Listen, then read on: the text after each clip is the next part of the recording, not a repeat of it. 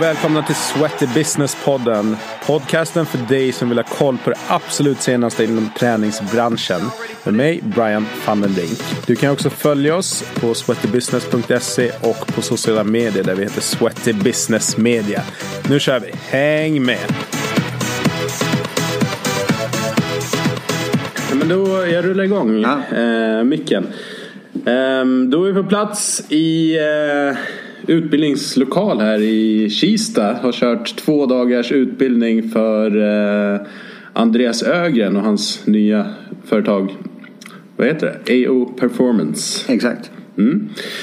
Eh, så välkommen till podden. Stort tack, en ära att få vara med. En väldigt efterfrågad eh, gäst. Eh, folk är nyfikna på vad du, eh, vad du gör och hur du tänker. Så att, Mm. eh, det här ser jag verkligen fram emot. Jag med, jättekul. Bra, men vi, vi inleder med en liten faktaruta och eh, börjar med ålder. 43, 43 år ung. Eh, uppväxt. uppväxt i Timrå utanför Sundsvall. Ja. Eh, Nära ishallen. Så det blir naturligt steg. För de som inte är från Sundsvall, min syrra pluggade i Sundsvall. Okej. Eh, Men för oss som inte är därifrån så är det ändå alltid märkligt att- att man gör skillnad på Sundsvall och Timrå. Jag har förstått att det är Ja. stor skillnad. alltså, ja, eh, Sundsvall är en fantastiskt fin stad. Men om man spelar hockey i Timrå så är det en väldigt stor skillnad på Timrå och Sundsvall. Ja. Mer idrottsmässigt då. Yes. Det var lite, eh, ganska mycket rivaliteter på den tiden. När jag Mm. Så det var väldigt kul att få vara med om. Yes. Ja, men som ni hör så är det ju hockey här som kommer in som referens direkt. Men ehm, nu har du ju en jättelång karriär inom, eh, inom tränaryrket. Jag tänker att vi tar det i nästa del. Men eh, liksom bakgrunden till där du är idag. Den tycker jag är en jäkligt intressant eh, story. Men om du bara liksom snabbt ger oss lite bakgrund. Hur var Andreas som barn? Vad gjorde du? Och framförallt, vad satsade du på? Andreas som barn var väldigt blyg. Och eh, hade en rolig story som, som min mamma har berättat. När jag åkte till skridskoskolan och ville börja med hockey så åkte jag dit. Och så fort tränaren blåste i pipan, då åkte jag av. Då ville inte jag vara med längre. Det var det för, för farligt. och så, sen så, såklart så tröttnade mamma på det efter ett tag. Och då sa hon den sista gången i bilen hem att nu Andreas, nu är det sista gången vi åker hem. Nu blir, åker vi hem nu så blir det ingen mer hockey. Nej, jag ska hem. Jag vill inte vara med. Sen halvvägs hem så sa du mamma, kan vi inte vända? Och så vände vi. Och sen dess var jag med. Mm. Så där började i alla fall hockeykarriären då. Och eh, jag växte upp då med, med grannar och, och kompisar som också spelade hockey. Så det var väldigt mycket landhockey. Eh, mycket utomhusaktiviteter. Och på den sidan, tiden var ju vintern fantastisk uppe, i, uppe där. Så vi hade alltid snö och is. Och vi, vi bodde ute på gatan och lirade landhockey liksom. Och som vi vet idag, det man gör mycket av blir man ganska bra på. Så att jag eh, var rätt bra på hockey och tyckte att det var väldigt, väldigt kul. Eh, var också där ganska bra i skolan och hade ganska lätt för mig. Och sådär. Men, men också med det kom ganska mycket krav på mig själv bara. Inte från mina föräldrar. Jag vet inte egentligen vart det kom ifrån. Men kraven kom och det var alltid i skolan så skulle jag avgöra brännbollen eller du vet, vad, vad det var en för sport så skulle jag kliva in och avgöra. Och, eh, det satte sina spår så det vart jobbigt och hela tiden få höra att man är den här talangen och man är så duktig. Eh, Det kan inte bara positivt för alla jämt utan jag hade också jävligt jobbigt för det. Och mycket, om man ska bli väldigt personlig, det var väldigt det var en del självhat liksom inne på pojkrummet och titta sig i spegeln och här att eh, jag ville verkligen vara perfekt, jag ville verkligen vara svinbra. Liksom. Eh, Så det hjälpte, jag var väldigt duktig men det räckte liksom inte. Nej. Tyckte jag själv. Tyckte du själv. Men du, du var ju hyfsad Mm. på hockey och var på väg till, eh, till Örnsköldsvik och Mm. hockeygymnasiet där som var stället att vara på minst sagt under ett gäng år. Kan du berätta lite om, om det och varför det inte blev av? Ja, det var en rolig, eh, eller rolig var det kanske inte alls men eh, som 16-åring då så fick jag både A-lagskontrakt med Timrå vilket var ju min dröm, vi som hade växt upp på hallen med alla de idolerna.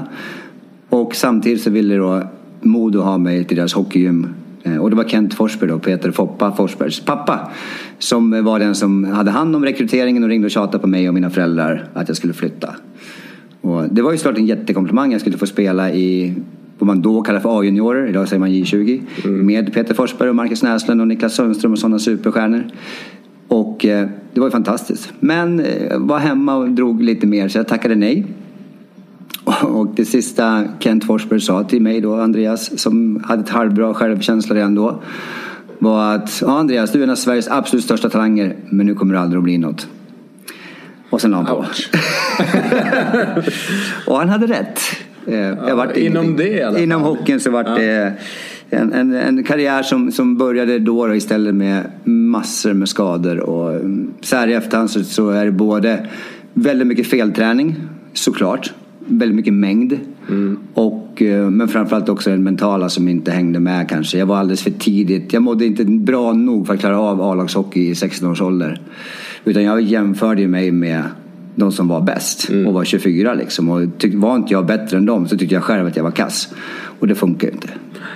Så det var, det var jobbigt, det var mycket skador och till slut så, så gick det inte längre. Utan jag eh, fick sluta på grund av, jag hade tre diskbråck. Eh, vaknade en morgon med ett förlamat högerben och kunde inte röra mig.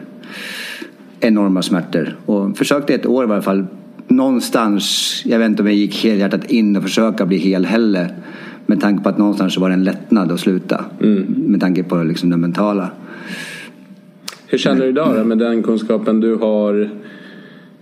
Kan du tänka att mm, om jag hade haft en fystränare eller någon som hade kunnat hjälpa mig. Hade det blivit något med hockeyn eller tror du att det ändå hade ebbat ut? Jag vet inte, alltså jag var ju uppenbarligen väldigt duktig. Och hade jag fått rätt hjälp och någon hade kunnat sagt åt mig hur mår du egentligen? Någon hade sett igenom mig och våga. Men man visste väl inte så mycket. Det här är alltså liksom början av 90. Och man visste inte så mycket då. Man- Jag tror inte att någon tänkte, för såg du mig utanför mitt pojkrum så trodde inte du att jag mådde skitdåligt. Jag var ju full av energi och skrattade och härjade och hade liksom askul. Eh, Det var mest när jag stängde in mig som det var jobbigare. Så att jag spelade rollen jävligt bra redan då. Liksom. Så, att så här i efterhand så visst, hade jag fått bra hjälp så finns det en möjlighet i varje fall. Absolut. Absolut. Men eh, för det blev ju sen eh, någonstans starten till din, din tränarkarriär. Men vi tar Exakt. den efter det. Men har, sista så här, innan, innan vi går in på det. Har du någon eh, filosofi då kring träning som du själv lever efter eller som du använder när du Ja, med dina klienter liksom som, som, som grundbult. Grundbult. Ja, absolut. Jag tror ju på, på biologi och naturlig rörelse. Att, vi, att kroppen är en rörelseapparat och till för att röra på sig. Och jag tror att vi har fått eh, den här äran att använda den här kroppen till så mycket saker. Och sen har vi någonstans kommit på att vi kan gå på ett gym och så lyfta saker som vi kanske inte gör så mycket i livet eller i sport. Eh, sen kan det vara väldigt kul att göra det och väldigt bra att göra det för, för många anledningar. Men den här naturliga rörelsen har vi kommit lite bort ifrån, tycker jag. Och så under tio år så, minst i varje fall, så har jag kanske hittat hem med det vi senare döpte till tredje funktion och tredje träning och varierad träning. Och det är väl fortfarande absolut det jag lever efter. Liksom. Att kunna röra sig, att gå på gymmet och träna för det jag vill bli bra på. Eh, Inte gå på gymmet för att bli bra på gymmet. Jag vet att jag sa någon gång i någon intervju som varit en ganska populär tidningsreferens var att man, man lär gå till gymmet för att träna för att bli bra på hockey. Inte för att gå till gymmet för att träna för att bli bra på gymmet. Just det. Och det är någonstans är det att vi... Jag brukar skämtsamt säga hur ofta går du på gymmet? Eller hur ofta gör du ett perfekt marklyft hemma? Det kanske man ska lyfta upp en örbacke eller någonting eller ett barn. Men, men då ställer man ju sällan ner det på samma ställe utan då ska man ju flytta det någonstans. Så det, det, det är ganska mycket logik. Sen så tycker jag marklyft är en underbar övning och skitbra. Och det är skitkul att lyfta över 200 kilo. Och jag har själv varit svinstark i många av de övningarna. Och jag vet att de är roliga. Men sen om de är bra för alla kan man ju diskutera vidare med. Jag, och Min kropp idag som 43-åring mår ju fruktansvärt bra. Jämfört med hur jag mådde som 18-åring jämförelsevis. Superintressant. Tack. Men vi går in på din, eh, din tränarkarriär som är jäkligt eh, intressant och eh, ja, men nytänkande. Det är ett ord som kommer upp när jag tänker på dig. Och jag, eh, jag vet inte, jag kom i kontakt. Det måste ha varit din blogg tror jag. Att jag fick, något, fick någon länk när, det, när bloggar var stort. Eller din Ja. hemsida, Ja, hemsida, där, ja, där precis, du hade information uppe i alla fall. Eh, och sen har jag hängt med på Instagram och sen vidare gått lite, lite utbildningar och så för att förstå eh, det här. Och det är ju liksom någonting helt annat än det man kanske då har introducerats till gemene man i gymmet precis som du var inne på. Ja.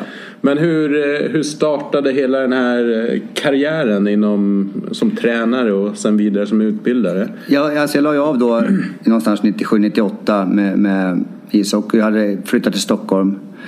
Och min bästa kompis då här var personlig tränare på Sturebadet.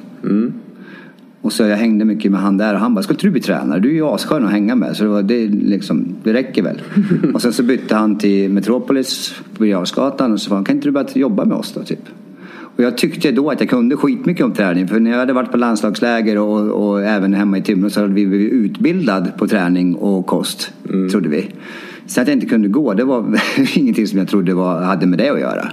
Utan det kanske var mer att det var isens fel, eller det var för mycket träningsfel. Men det var inte den förebyggande träningens fel. Så att jag fick ganska bra resultat rätt fort där för eh, bara på grund av energi tror jag och att vi hade kul. Helt enkelt. Och hamnade i, lärde känna ett gäng på, på, på Stureplan som var lite profiler där och, och lärde känna mycket eh, varje gång jag gick ut där, så, liksom varje helg egentligen, så lärde jag känna nya människor. Så det blev till slut att vi tränade fyra, fem dagar i veckan under vardagarna och så gick vi ut på krogen på helgerna och hade kul. Så det var ungefär samma gäng jag hängde med hela tiden. Och då var det både profiler och sen var det några kändisar. Eh, och sen så tyckte jag att det var roligare och roligare att träna människor. Och vi hade ju väldigt, väldigt kul. Och sen så vart det några roliga resultat där med Emma Andersson, om någon kommer ihåg henne som vann Robinson två gånger. Gjorde henne från partyfreak till hälsofreak. Och vi- Zätas fru numera. Zätas fru numera, exakt. Bara en sån sak. Har gått in, ja. Ja, så att då, då var det ju massa media, för det var ju hon och jag med i Aftonbladet, Expressen och sådana. Så vi fick mycket media då. Och sen eh, kom jag ihåg att jag hade Eva Röse och Tilde Fröling och alla de där tre blev vald sexigast i Sverige när jag tränade dem. Och då var det ju väldigt hype såklart att man skulle träna med mig då ett tag. Så att jag hade väldigt mycket att göra. Och jag tyckte om att ha mycket att göra. Jag tyckte det var väldigt kul. Och sen eh, så träffade jag eh, en tjej som blev gravid och eh, vi fick nu sen tre barn tillsammans. Och då var ju hon gravid med Liam och det är nu då 16 år sedan. Han fyllde 15 i år. Och då så var det mer så här, okej vad ska jag göra med mitt liv? Ska jag fortsätta som tränare? För att på den tiden var ju kanske inte PT ett jättevanligt yrke. Utan var ju, jag tror att jag började mer så här, okej jag gör det här tills jag vet vad jag ska göra med mitt liv. Jag höll även på liksom att spela gitarr och sjunga och, och kanske någonstans hade en vag rockstjärnedröm också. Eh, Men visste att jag skulle aldrig palla det mentalt. Så att då var det så här, okej, nej, men jag får göra det här. Och den första utbildningen jag hittade då var en, en kille som heter Torsten Hansson som är fortfarande Henrik Stensson, vår bästa golfare. Hans mentala tränare, som han fortfarande är. Som hade en vecka i, i Stockholm, i Bromma, på Mornington Hotel, kommer jag ihåg. Och, eh, så den var det första jag anmälde mig på. Det var ju både för min, min egen skull såklart. Dels att jag inte fick spela ishockey mer, att det var väldigt, väldigt jobbigt. Men också att reda upp allting liksom, som jag visste att jag hade mått dåligt över. Och eh, det är klart att det var jobbigt, men också har jag, som du sa innan, jag har varit ganska bra på att vara nytänkande, ganska bra på att tänka lite längre utanför boxen. Så att jag bara... Vad gör du ikväll? frågade Torsten. Han bara, jag vet inte. Typ. Han, vi har ju utbildning här i Bromma. Ja, han kommer ner från söder. Jag tror han är smålänning eller något sånt där. Och eh, jag bara, ska gå ut och käka? Han bara, absolut. För jag kände ju väldigt många på Stureplan på den tiden. Så vi, hade ganska förspänt liksom. Så vi gick och käkade tre kvällar i rad tror jag det var. Och då fick jag också one, det är en vecka i skolan med honom då, åtta timmar om dagen. Plus då några timmar på kvällen one on one. Vilket var i världsklass. Och driv har jag alltid haft så då frågade han mig, vad vill du då? Så, "Nej, jag vill bli världens bästa tränare. För då hade jag någonstans bestämt mig. Liksom. Bra, sa han. Då vet du vad du vill. Då ska vi ta oss dit. Och någonstans sa han att gå till de som är bäst i världen idag och fråga dem om tips på litteratur, på eh, utbildningar och, och vilken väg ska du gå. För de som är i toppen, de är oftast ödmjuka och ser inte dig som en konkurrent utan vill gärna hjälpa till. Och eh, om jag var blyg som sjuåring var jag inte det då. så att då hade min personlighet förändrats väldigt mycket. Det var väldigt lärorikt att hänga på Stureplan där på den tiden. Och eh, så jag tog kontakt med de som var största namnen då. Eh, Mark Verstegen, Paul Check, Mike Boyle och de här som var stora. De är stora än idag. Och så åkte jag runt i, framförallt i USA och försökte utbilda mig så mycket jag kunde. Och eh, brukar lite skämtsamt säga att jag kan vara ganska smart när det gäller logik. Eh, är det inte logiskt så förstår jag inte.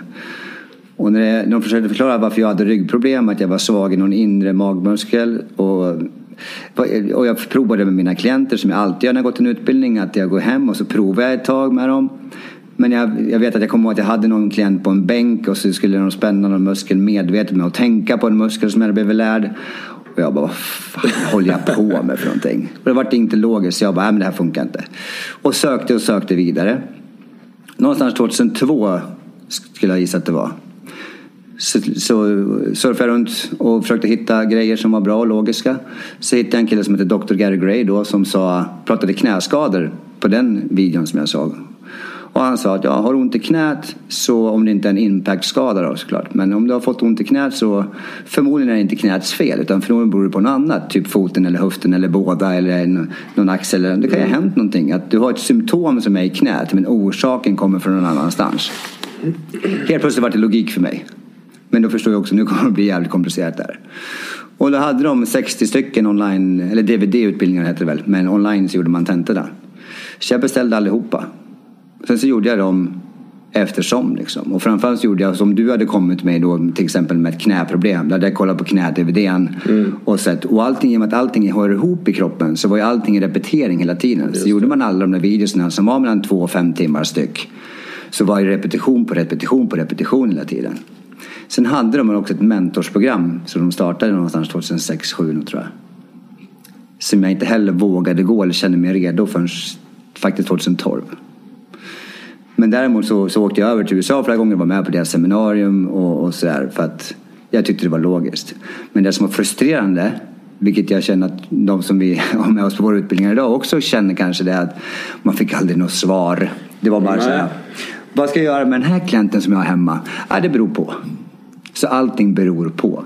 Vilket det såklart gör, för vi är ju alla unika. Vi rör oss alla olika, vi har olika förutsättningar. Vi kommer från olika ställen, vi håller på med olika saker. Vi sover olika, vi bor olika. Så det är väldigt logiskt när man börjar tänka så. Men man vill ju oftast ha ett svar. Bara, vad ska jag göra med den här? Ge mig sju övningar som funkar. Jo men vi är ju upplärda med liksom Dels tror jag mänskliga hjärnan funkar så man behöver ju systematisera och sortera. Så att okej, okay, har man det här problemet så kan man göra det här och det är typiskt då kanske den här behandlingen så att mm. det finns något slags system. Och jag kan känna igen mig i att man i frustrationen men vad fan ska jag göra med det här problemet mm. egentligen? Men sen förstår jag också att det är ju också det kan jag också tycka som är just vad är personlig träning om det inte handlar om varje Personlig. unik individ Exakt. istället för att liksom tanka ner ett program från nätet och köra samma program på alla kunder i princip. Ja. Och då, det, det, man måste göra då är att man måste vara väldigt närvarande hela tiden. Vilket jag kanske inte var jämt som, som personlig tränare eller coach. Utan, men då när jag började med det där för då, ja, 12 år sedan på riktigt liksom, så var det så här jag måste vara närvarande hela tiden. För jag måste se vad som händer. Liksom. För om jag ska hitta ett orsak till en symptom som kan bero på egentligen vad som helst. Mm. Så måste jag dels fråga hur du mår, jag måste fråga hur du har sovit, jag måste fråga så mycket frågor så jag är förberedd på okay, hur kan du ha det idag. Och sen så vill jag se dig röra dig. Och helst vill jag se dig röra dig omedvetet, att du inte tänker på vad du gör. För det fick man ju också lära sig från början att om man ska spänna magen, man ska raka ryggen, dra ihop skulderbladen, man ska träffa, ska göra ett mm. utfall, ska knät träffa andra tån och, och sådär som jag egentligen inte vet var det kommer ifrån. För det, det är egentligen inte varken biomekaniskt logiskt eller logiskt för någonting.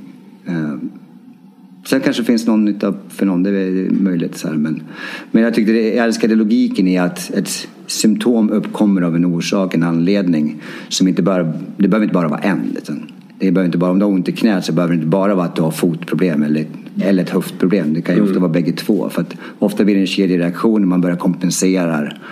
Eh, så det gäller att hitta och stoppa det i tid. Liksom. Och ska man jobba med idrottare så är det ofta svårt för de lär sig kompensera och de lär sig bita ihop så då kanske det har blivit på fyra, fem, sex, sju ställen som det kompenseras. Så då ska man försöka hitta vart det började och, och få till alltihop och då börjar det bli trixigt. Men hur, mm. hur bemöttes det här då när du, när du körde igång med det? Eh, pionjärerna får ju alltid ta smällen på något sätt och stå liksom och, och predika tills det liksom sprider sig. Absolut, och jag tror att jag hade turen som hade profiler. Jag har väl alltid haft profiler som jag har tränat från då kanske vanliga kändisar till sen då hockeystjärnor framförallt. Då. Mm. Henrik Zetterberg då, som är gift med Andersson var ju den första riktiga stjärnan som hjälpte med ryggproblem 2006. Och jag vet att Red Wings ville in och, och göra ett ingrepp på hans rygg. Eh, Men då var han tvungen att ha symptom när han kom över. Och då sa Emma att kan inte du försöka hjälpa honom? För då hade jag själv fått till min kropp så bra så att jag hade inget ont alls. Och jag kände igen mig i hans problem. Mm. Så gjorde jag ungefär som jag hade gjort på mig själv på honom då. För att det var ju så bra jag kunde just då. Och han var helt bra och smärtfri. Så gjorde han poäng 19 matcher i rad direkt. Och det var rekord i Red Wings historia.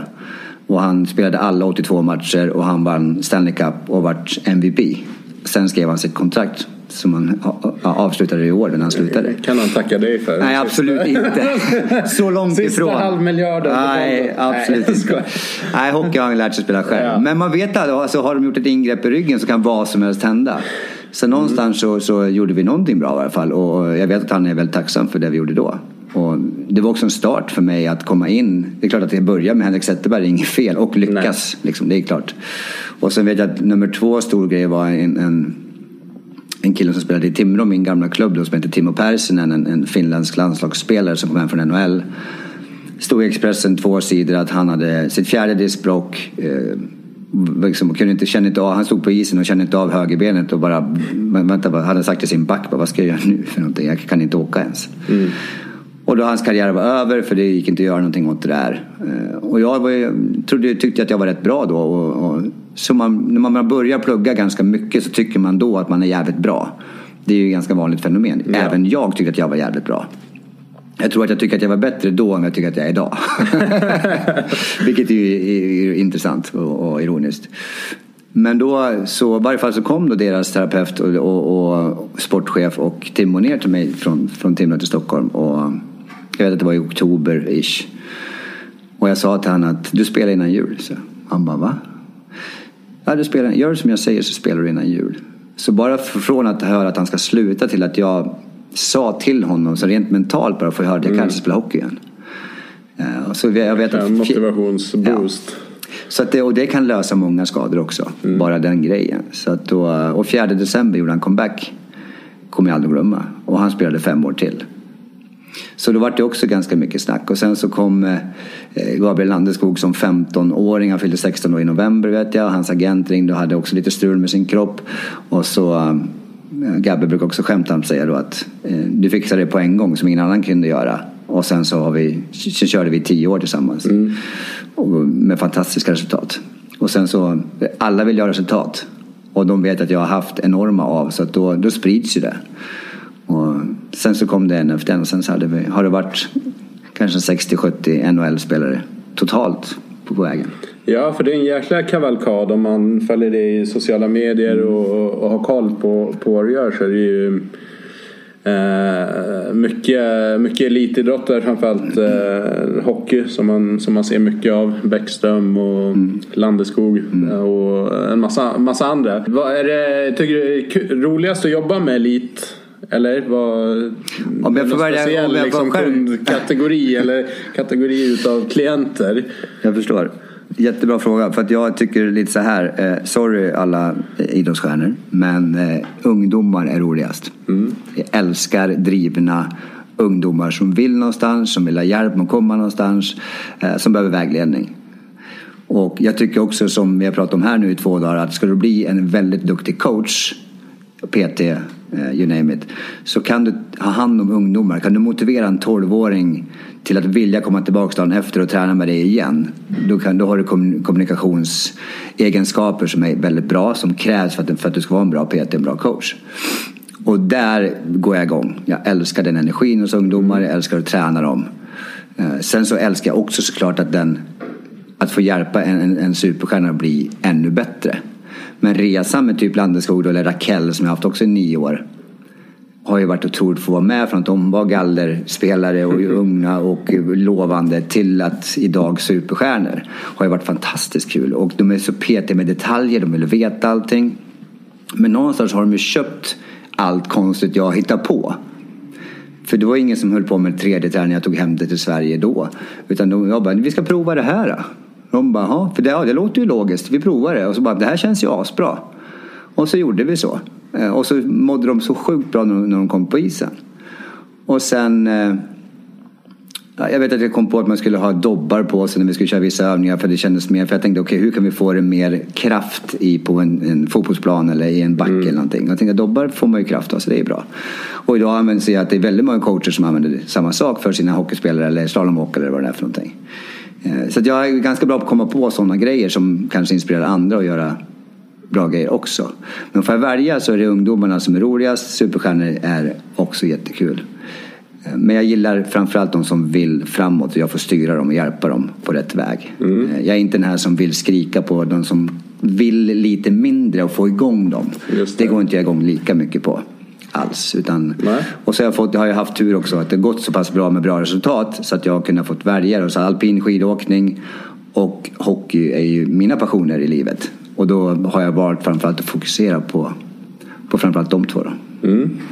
Bra, den här podden handlar ju om det. Men en sista fråga om de här äh, elitspelarna eller skidåkarna för den, för den delen. Men ähm, finns det något gemensamt som du kan se rent fysiskt liksom? Eh, Hur de agerar, hur, hur de är som personer som du ändå kan summera att mm, det här är liksom en, en gemensam nämnare för, för någon som, som kommer jäkligt långt i sin idrott.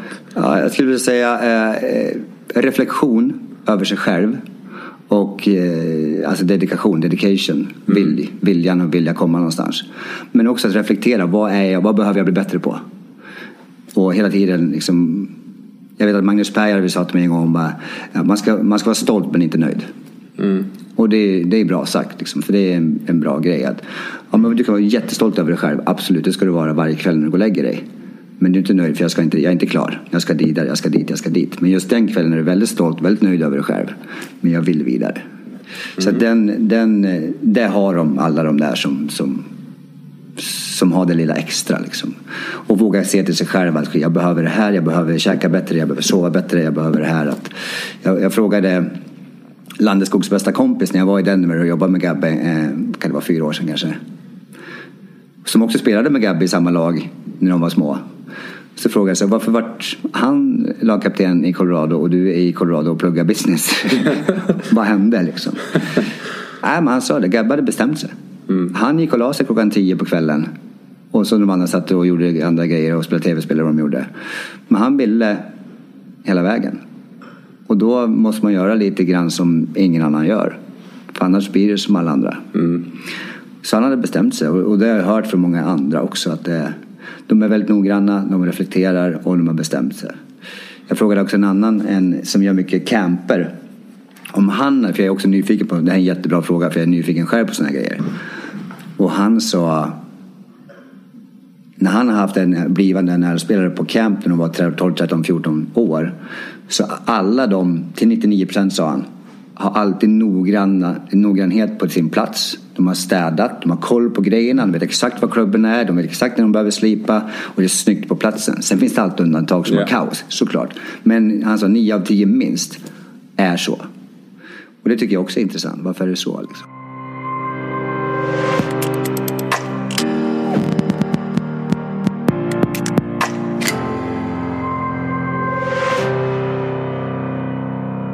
Men du, eh, en, en vanlig karriärväg för någon som har jobbat länge som tränare är ju att man går över till utbildningssidan. Du har ju valt att starta egna utbildningsföretag. Det är en tredje funktion innan det här och sen nu EO Performance. Ehm, Men är också väldigt aktiv som, som tränare också. Vad är det som motiverar dig till att fortsätta på golvet också i den, i den omfattningen? Det är det roligaste jag vet, fortfarande. Eh, nu när vi gör den här nya utbildningen eh, som är också fysrelaterat fast är lika bra för PTS som vill använda sådana här performanceytor. Den kommer ju mer och mer på gymmen. Och eh, vill man använda dem bättre så är det här en perfekt utbildning för det. För det handlar mycket om fysträning. Jag tror att alla vill vara en atlet egentligen. Och vi brukar ju säga att alla är atleter på olika nivåer. Ja. Sen har man olika mål med, med, med det. Men alla vill ju kunna röra på sig. Och min passion är ju då fysträning och prestationsträning. Så det är det jag vill hålla på med. Men variationen jag får med att utbilda nu i två dagar. Fantastiskt. Du vet ju själv vilken grupp vi har. Det har varit skitroligt och otroligt ut- utvecklande och inspirerande för mig också. Eh, imorgon åker jag till USA. Så då sätter jag mig på ett flyg och så landar jag i, i morgon kväll i USA till, i, i Buffalo och så ska jag hjälpa en finsk en kille som heter Rasmus Ristolainen. Så jag är där i fyra dagar med han och sen så åker jag till New Jersey till Jesper Bratt och Mackan Johansson i New Jersey och några till som jag har där som är utlänningar. Och sen avslutar jag med fem dagar i, i Washington med Washington Capitals grabbarna med Beckis i spetsen.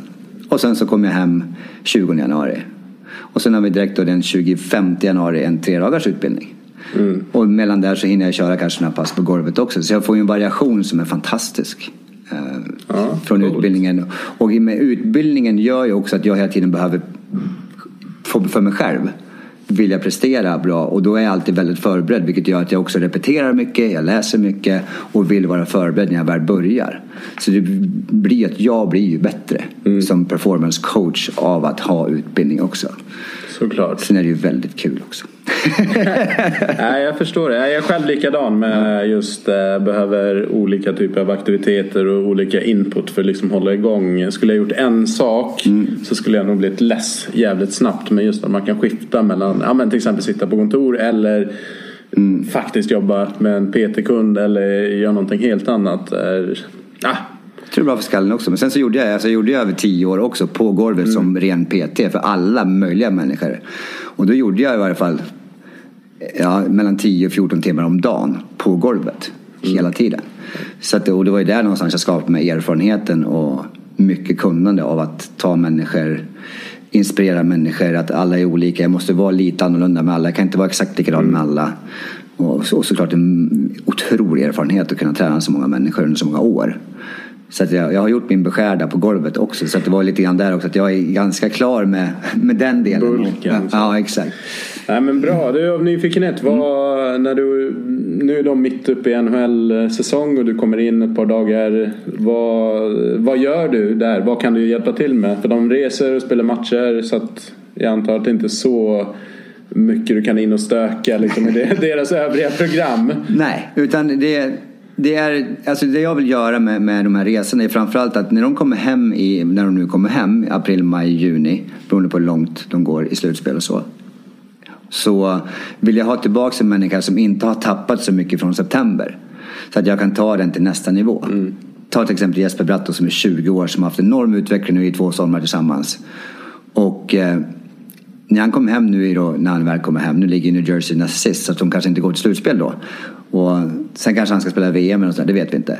Men då kommer han hem då och så har vi då tre, tre och en halv månad kanske på oss. Då vill inte jag få hem ett vrak. Mm. Då vill jag ha fram en fräsch Jesper som, som är redo för att ta sig själv till ännu till nivå under den sommaren. Så det jag kan göra när jag åker över, det är så, jag behandlar väldigt mycket. Jag behandlar kanske mellan 500 och 700 timmar med mina händer varje säsong.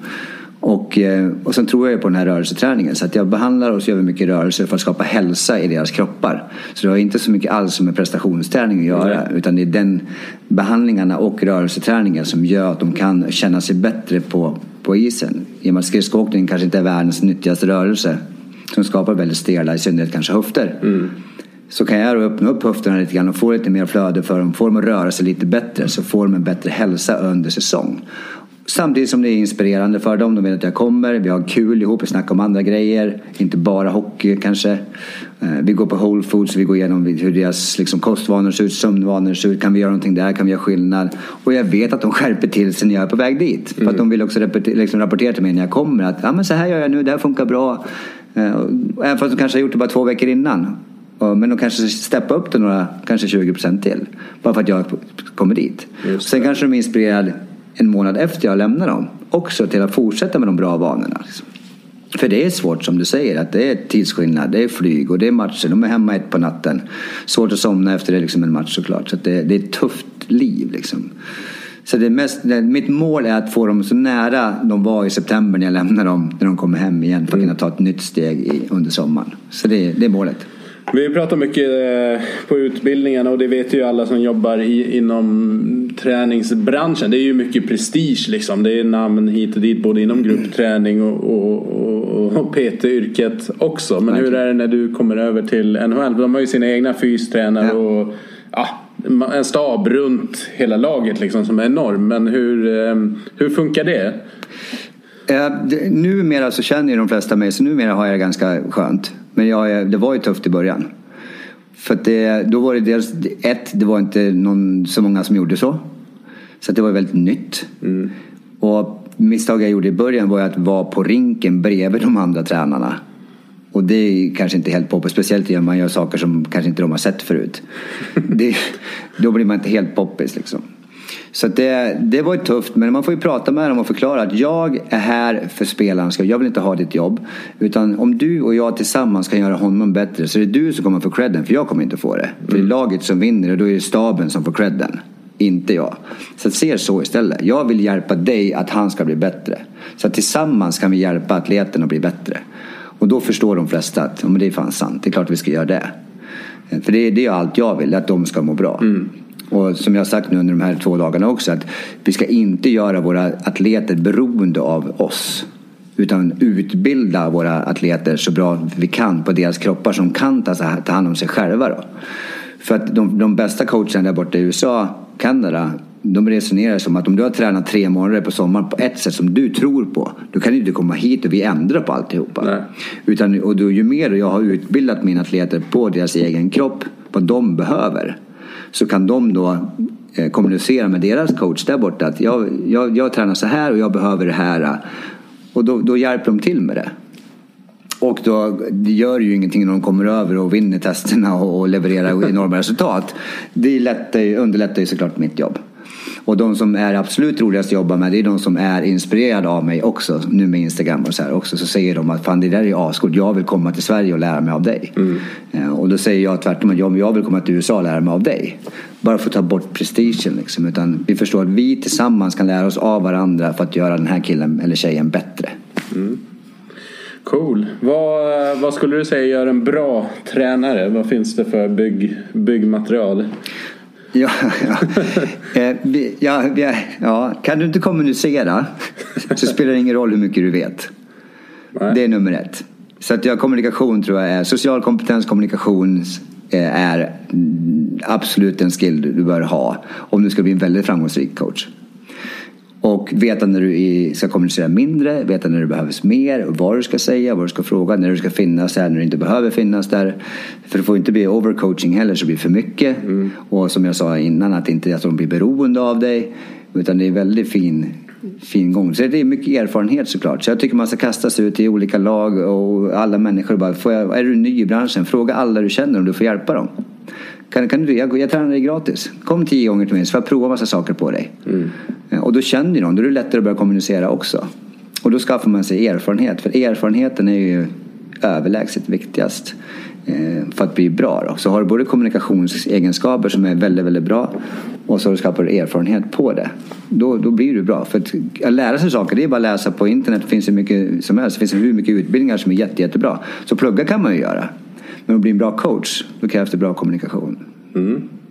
Bra tips. Ehm, vad har du för inspirationskällor som du hämtar ehm, ja, inspiration och kunskap egentligen som du tycker är bra? Jag har, jag har ganska många faktiskt. Jag, eh, dels är jag med i några sådana här eh, organisationer som, som, där det finns ganska mycket coacher som är på väldigt hög nivå. Mm, Det släpptes nyss något som heter World Speed Summit till exempel där det är mycket speedcoacher från hela världen som samlas och samlas vi online. Ja. Och det är en fantastisk plattform för, eh, för att diskutera saker och få lyssna på andras föreläsningar. Eh, Så eh, förhoppningsvis är jag med nästa år och gör en, en, en podd där också. Så sådana grejer är jag med i. Med en annan som heter Athletes Acceleration som är en till sån mycket så power-grejer. Där det är jätteduktiga speed power coacher som är med och det delar vi med oss allihopa.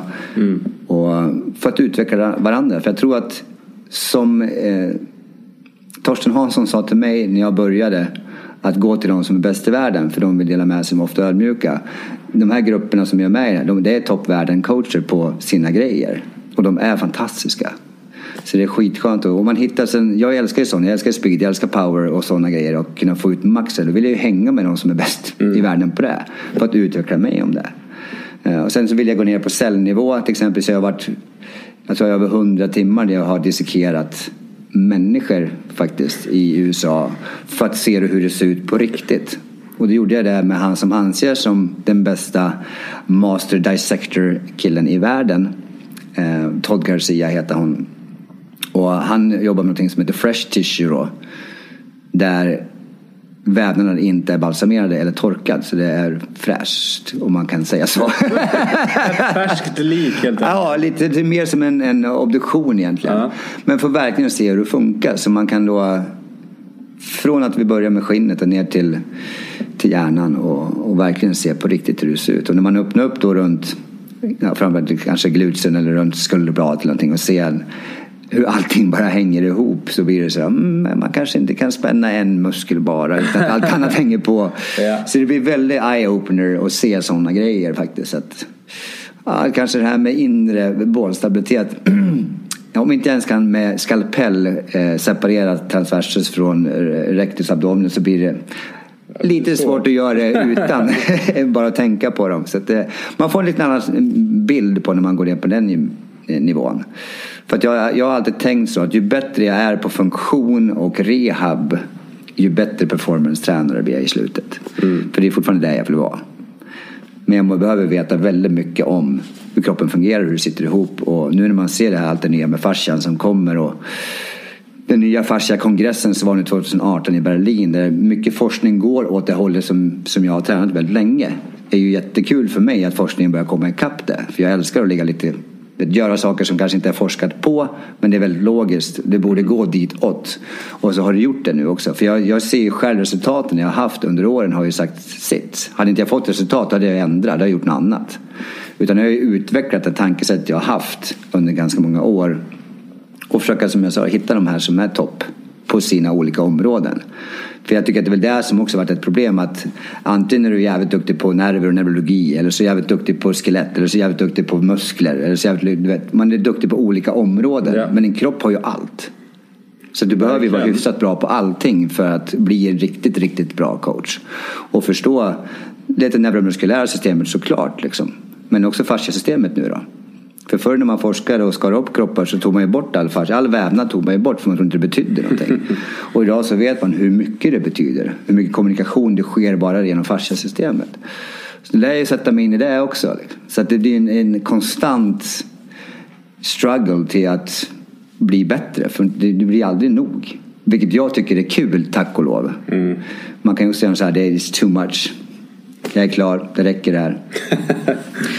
så att, eh, jag är glad att jag har det drivet fortfarande i alla fall. Men vad tror du? För du ligger ju liksom i, i väldigt framkant. Eh, så intresserad och liksom jag känner igen, känner igen ditt driv inom det här.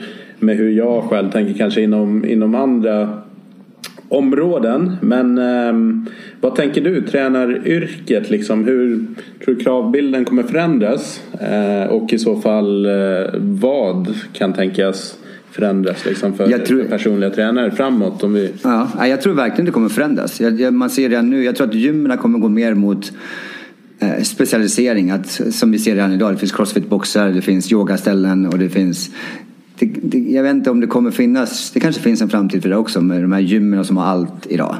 Men man ser också många som gör performance-ytor på gym. Det kommer säkert finnas mer performance-gym i framtiden istället. Det är dit de som håller på med, med fysträning tränar, eller lagsport tränar typ.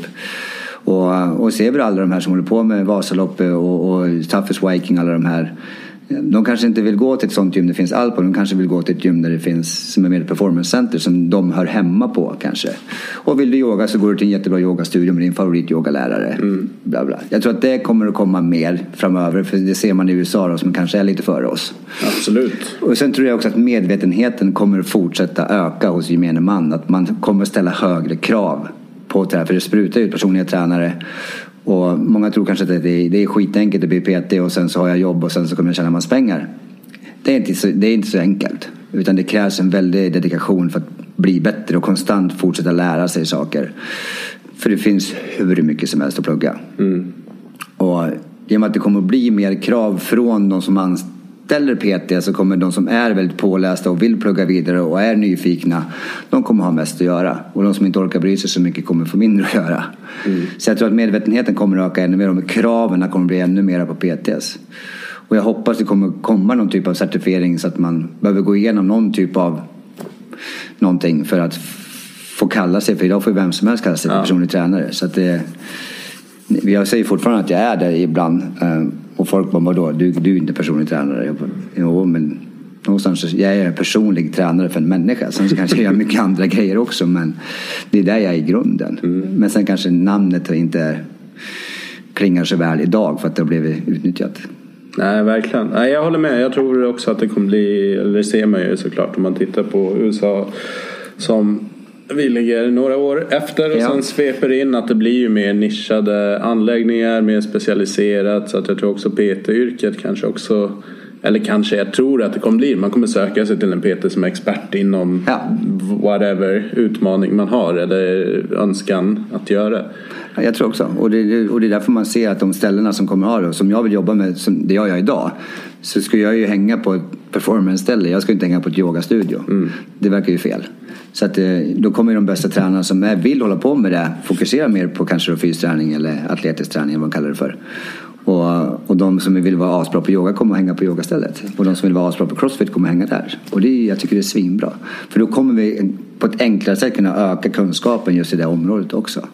Istället för att det är på ett sånt där ställe som har allt och så ska du kunna allt om allt och då blir det för mycket och då blundar man hellre och så gör man sina tre gånger tio på maskingrejer och så går man hem sen.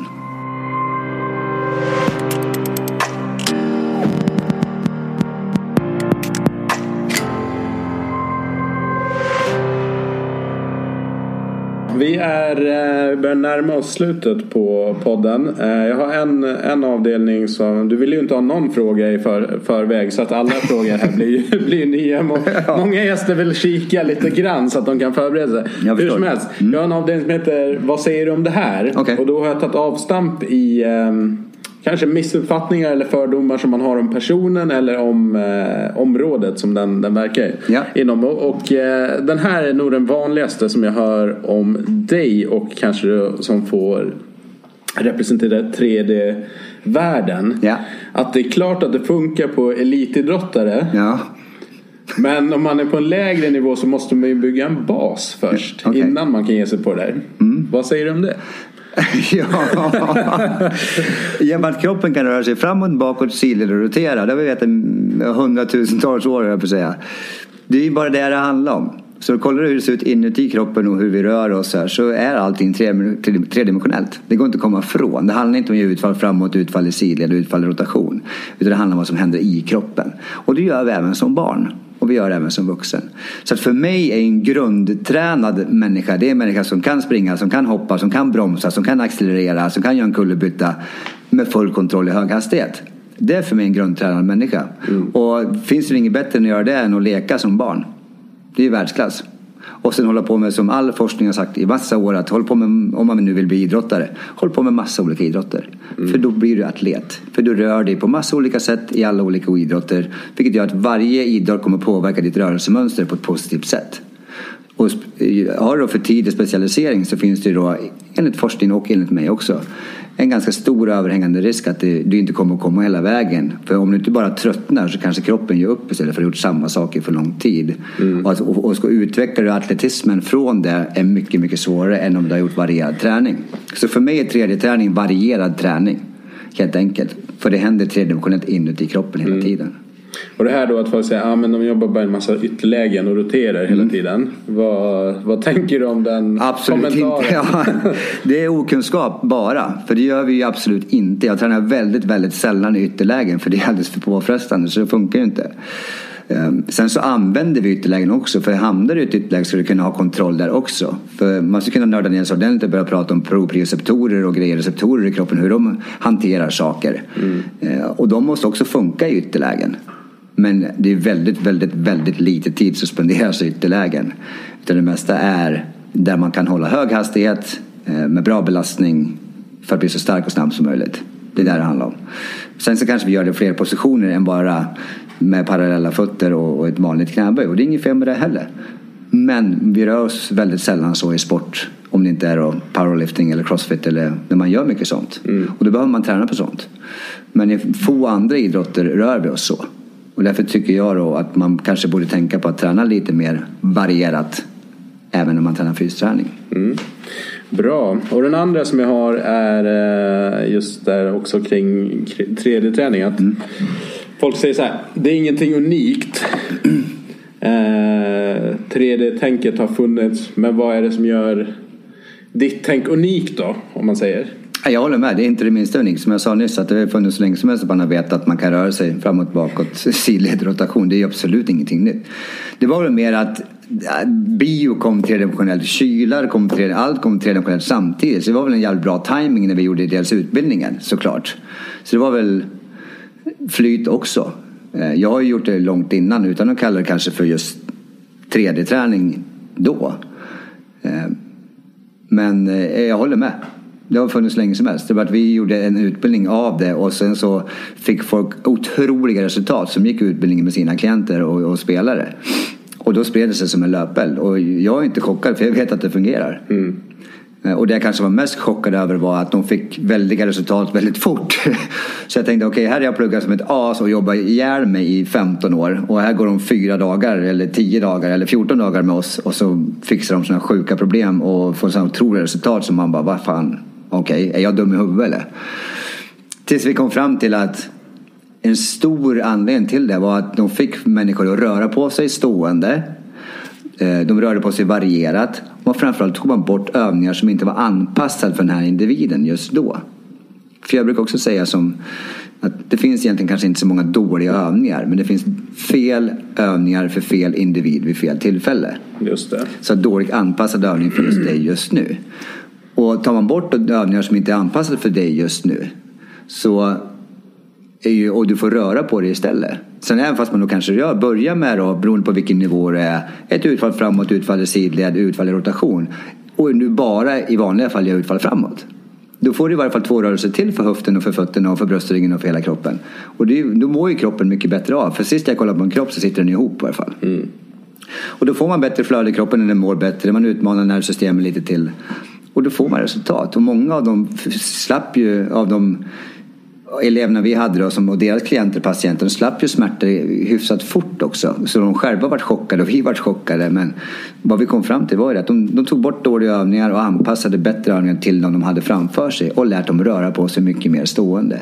Tog bort maskiner kanske, utan vi, vi är inga maskiner, vi är inga robotar. Sen så vill man få stora bickar, man vill pumpa lite bickar isolerat. Det är väl hur bra som helst.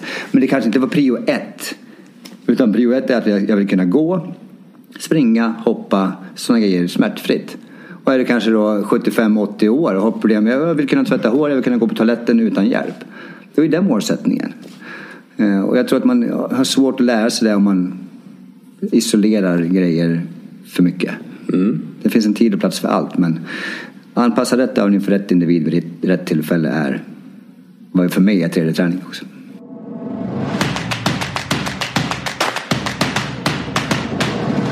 Vi är inne på de sex eh, sista frågorna som går under eh, benämningen sex snabba. Så ja. Det är sex snabba frågor och sex hyfsat snabba svar. ja, ska försöka. En app som du använder mycket och då får du inte säga Instagram för du är väldigt aktiv där så den är given. Okej. Okay. Eh, då, alltså Messenger, eller vad heter den? Bara, ja, vanliga, Facebook, nej inte Facebook, bara vanliga textmeddelanden. Jaha, sms? Ja, sms, alltså, ja. ja. vanliga, precis. Den använder jag ju såklart mest. Eh, mina barn säger att jag är, jag är den enda som smsar dem utan alla andra är Snapchat. Ja. Så att jag kanske också börjar bli gammal. Kidsen har flyttat över i Snapchat. Ja. Men sen så om jag ska ha ett, det är ett ganska tråkigt svar, men en, en tips är jag använder en app som heter Breathe ganska mycket för att slappna av. Och den är väldigt, väldigt, väldigt bra. Och jag tycker mm. om den väldigt mycket. Så det, den har jag med. Mm, om jag ska ta ett power, eh, vi kan ta en bild på den sen också så har jag den. Men den, även om jag ska ta en powernap på, på 20 minuter eller om jag ska somna på kvällen, få mig att slappna av bara, även om jag vill ligga och andas bara. Så är den fantastisk. Jag vet inte, rösten som, som både den här kvinnan och den här mannen har på den här appen är magisk. Så mm. jag gillar den jättemycket. Så den använder jag mycket. En eh, podd eller en bok som du har lyssnat, läst som, eller som, som du kan tipsa om? Ja, jag tycker att man ska fokusera lite grann på kommunikation idag om man är tränare och vill bli bättre och ta ett nytt steg. Så Många kan mycket om träning och, men kommunikationen kan alltid bli bättre. Mm. Så att hitta någonting som, som intresserar dig. Eh, jag gillar emotionell intelligens till exempel. Det finns en sån bok som heter Emotionell intelligens 2.0 som är rätt bra. Jag gillar också en bok som heter Go Giver som är ganska lätt smält som handlar mer om också kommunikation men också att ju mer man ger ju mer får du tillbaka. Mm. Som eh, kanske också har varit en grej som, som man pratar mycket om USA det här med buy-in, om folk ska köpa vad du säger till någonting och jag har väl kanske varit ganska bra på det att få mina atleter och mina klienter att, att tro på det jag tror på. För att kunna kommunicera på ett sätt att de förstår att det är bra för dem. Men jag har också varit alltid bra på att alltid finnas där för. Jag har alltid sagt att jag finns här för dig jämt. Jag vill göra allt för att du ska bli bättre. Och det betyder att jag ger väldigt mycket av mig själv. Men jag har också då fått tillbaka. Så jag märker att ju mer man ger, ju mer får man tillbaka. Och den boken är helt bra för det. Jag vet inte exakt, jag kommer inte ihåg vem som har skrivit den, men Go Giver heter den i varje fall. Bra titel. Ehm, ett projekt som du är nöjd med, som har blivit lyckat? Alltså jag är jättestolt över att vi startade tredje funktion, även Procidos och även AEO Performance som vi kör nu. Jag tycker det är tre stora grejer som jag tycker är fantastiskt kul. eh, som har funkat asbra och förändrat extremt många människors liv. Och eh, ja, jag tror att vi har förändrat träningen i Sverige på ett väldigt positivt sätt. Och jag hoppas det fortsätter ditåt. Så jag är väldigt stolt över dem. Har du någon eh, lärdom som du, som du kan delge oss med? Som du liksom har lärt dig längs med vägen? Utav? Utav det här? Ja, jag, jag hoppas jag har ganska många. Men eh, jag, alltså jag tycker som, om vi tar rent träningsmässigt som tränare så gillar jag det här. If you can't do it, don't teach it. Tycker jag är bra. För ska du bli vad man kallar det för buy-in, alltså få dem att tro på dig, kunna kommunicera fram vad du vill för någonting, så måste du kunna visa det, du måste kunna stå för det. Ehm, som jag och Gustav då, som är med på, på en utbildning som han har hand om näringsdelen och jag tar hand om träningsdelen. Men om inte vi lever lite grann efter som vi, vi tror på, liksom. om inte vi har gjort det här själv så är det svårt för oss att bli väldigt trovärdiga. Liksom. Så jag tror att du, du lär göra allting och går en utbildning, prova ett tag. Om de tyckte att utbildningen var piss just när du gick den, men du kan väl ge någonting av det en chans. Du fick säkert med dig någonting som du trodde på. Jag vet att när jag gick Polcheck för en otrolig massa år sedan så försökte jag leva som han tyckte med, med maten. Och det är ju då början av 2000. Det var inte helt lätt att leva helt ekologiskt då. Nej. Men jag gjorde allt för att kunna göra det. Liksom. Och jag mådde bra som fan, men det var för struligt. Så att bara kunna våga göra lite sådana grejer. Att våga gå in i, i, i efter en utbildning kunna göra det som, som du tror på. Och, och stå för det. Liksom. För att if you, if you can't do it, don't teach it. Liksom. Bra. En eh, person som du ser upp till eller haft som förebild? Min mamma har levt ett liv med extrema smärtor på grund av en svår skolios eh, från början som sen blev massa stelläggande operationer av koter som sen blev att de rätade ut ryggraden på henne så hon blev fyra centimeter längre i sen 50-årsålder. Eh, som blev en muskel och nervkollaps. Eh, men går idag utan någon som helst hjälp och alltid på lysande humör. Eh, Starkaste människan jag har sett. Och jag kan bara bli inspirerad av en sån, sån människa. Så det, det är stort. Sen så blir jag inspirerad av alla mina tre barn varenda dag för de är helt fantastiska.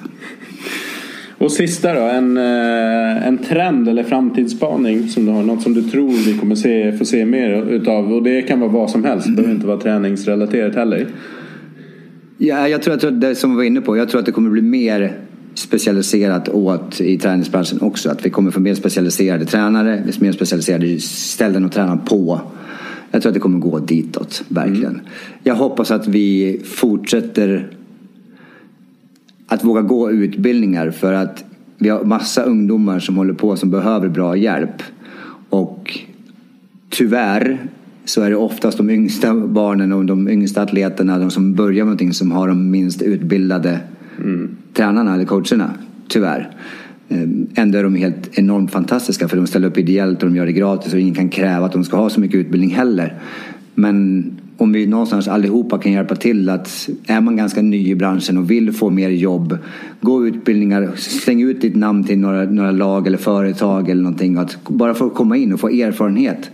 Eh, och sen fortsätta utbilda dig och komma tillbaka och ge ett ännu bättre jobb. Eh, jag ser den trenden redan nu jag hoppas det fortsätter ditåt också. Du, stort tack för att du var med. En ära. Eh, om man vill eh, följa dig eller komma i kontakt med dig, vart kan man göra det enklast? Instagram är enklast.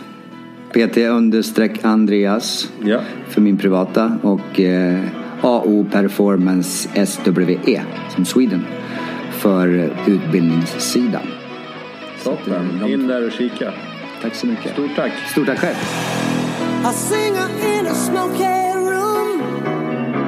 The smell